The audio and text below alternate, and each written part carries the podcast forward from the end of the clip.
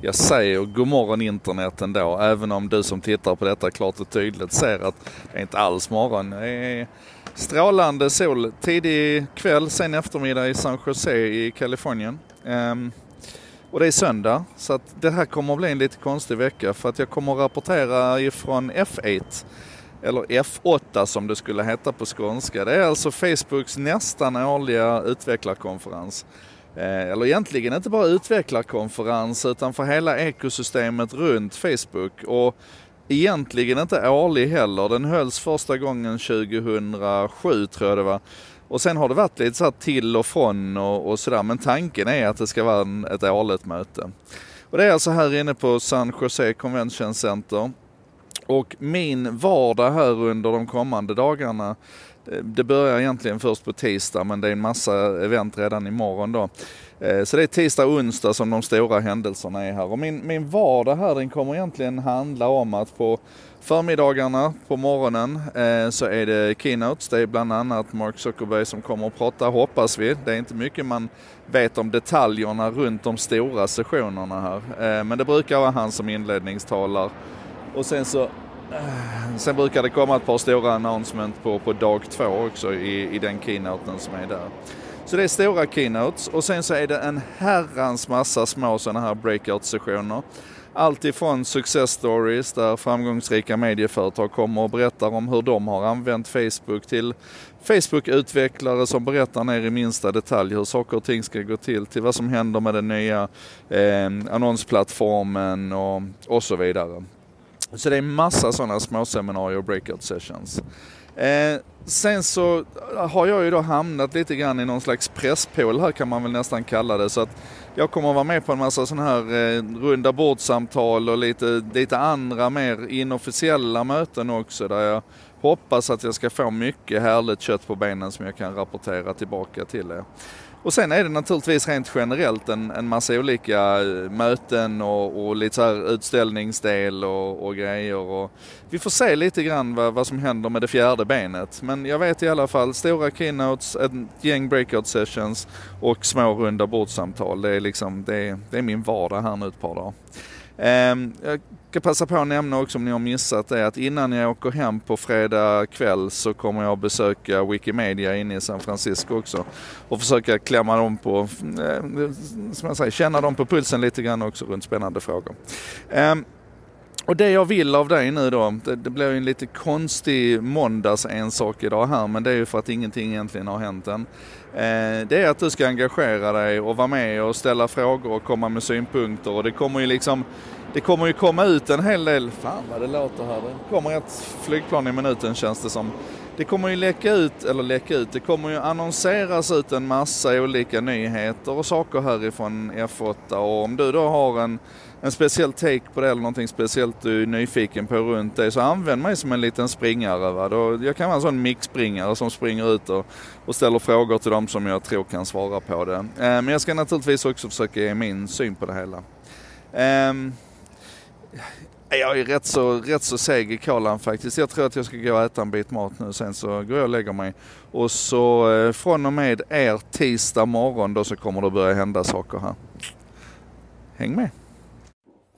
God morgon internet!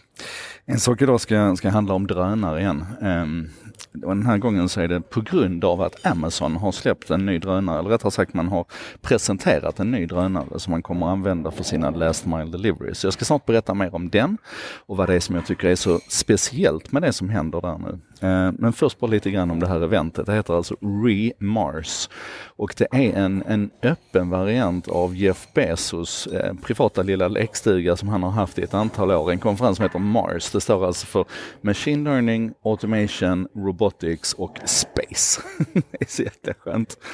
Och nu har man då öppnat upp, eller gjort en öppen variant av det här som går i Las Vegas nu fjärde till, eh, till sjunde. Eh, och en konferensbiljett kostar 1999 dollar. Jag är väldigt sugen på att åka dit nästa år kan jag säga, för det verkar vara magiskt innehåll där. Anyway, den här nya drönaren, alltså Amazon har ju, har ju pysslat med drönare ganska länge nu och försökt hitta ett sätt att använda drönare för, för last mile. Eller i det här fallet last 15 miles, för det är så långt den kan ta sig, det är alltså 24 kilometer. Eh, och den här, den här sträckan då på 24 kilometer kan den frakta lite drygt 2 kilo, 2,25 kilo, 5 pounds. Um, och allt det där det har vi liksom hört innan och att Amazon gör drönare har vi hört innan. Två saker är speciella här och, och, och det första är konstruktionen av den här drönaren. Den är alltså konstruerad i en hektagon med, med sex stycken motorer, eh, propellrar Ehm, den har en, en ram runt sig som gör att när den, när den har lyft, alltså det är som en, en VTOL, alltså Vertical Take-Off and Landing, den kan lyfta och landa helt vertikalt. Men sen så kan den använda den här ramen runt sina propellrar, sina rotorer, kan den använda som ett, ett plan. Va? Så att den, alltså un, ungefär som ett vingplan. Så att den kan då vara effektivare när den, när den flyger rakt fram. Samtidigt är det här gjort med ytterst få rörliga delar. Det finns liksom inga gimbals i den utan i praktiken det enda som roterar det är, det är själva rotorerna, alltså propellrarna. I övrigt så är den, ehm, är den helt fast.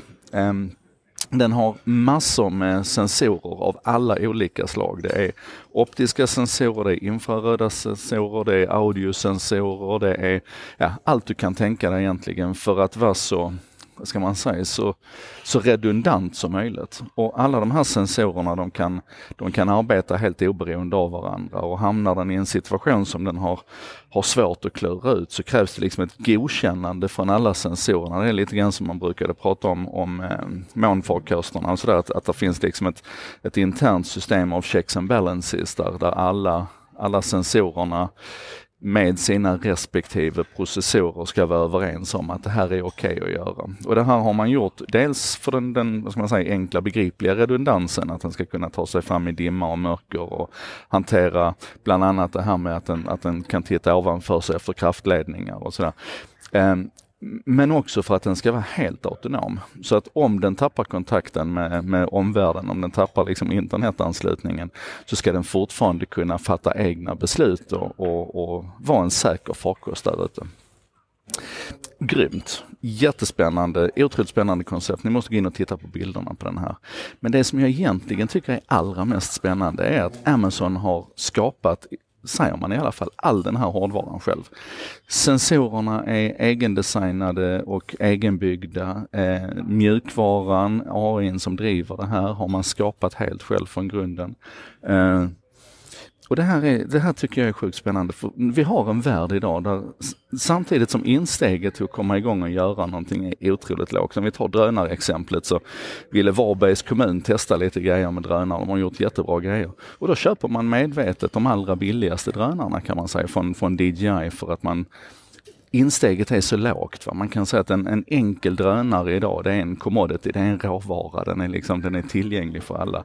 Och det gör att du, att, i och med att insteget är lågt så får du en kraft underifrån som kan testa och utveckla och driva, eh, driva det här framåt. Men sen i andra änden så har du det som Amazon gör nu eller det som Apple har gjort med sina egna processorer i, i telefonerna eller som, som eh, eh, Facebook och, och, Google har gjort när man utvecklar helt egen serverarkitektur och sådär. Det är att när du, när du har så mycket pengar som de här företagen har och du kommer till den nivån att du, att du liksom har resurserna att göra egna investeringar i det som andra betraktar som råvara. Alltså där andra köper commodities och köper den vanliga Intel-processorn så kan Apple då liksom eh, använda det som en konkurrensfördel.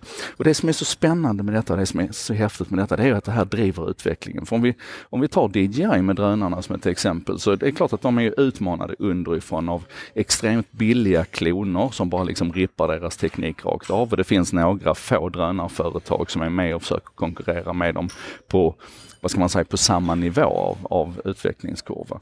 Men sen från andra hållet så kommer ju då ett tryck också ifrån en, en aktör som Amazon som nu helt plötsligt ger sig in här och bygga drönare. Och jag har varit inne på det förr, att jag det här med teknikjättarna, vi har en förmåga att se det som väldigt negativt, att de sitter och tjänar så mycket pengar som de gör. Men om de inte hade dragit in de pengarna så hade de inte haft de musklerna och de resurserna och göra den här sortens utvecklingsprojekt. Och ganska ofta så landar den diskussionen i att vi ska göra så här otroligt spaciga grejer. Liksom. Vi ska ge internet till alla med hjälp av, av satelliter eller luftballonger eller vi ska, ja ni vet så här, moonshots, alltså verkligen far out. Men ibland så lägger de de pengarna också på att, att återuppfinna en kategori och gå in och utveckla egna sensorer för drönare. Och det tror jag vi vinner på allihopa. Anyway, det här var en sak idag med mig och Kim Jardenberg. Gå in och kolla på den här coola drönaren som Amazon har lanserat nu. Och så ses vi imorgon bitti igen för en ny En sak idag.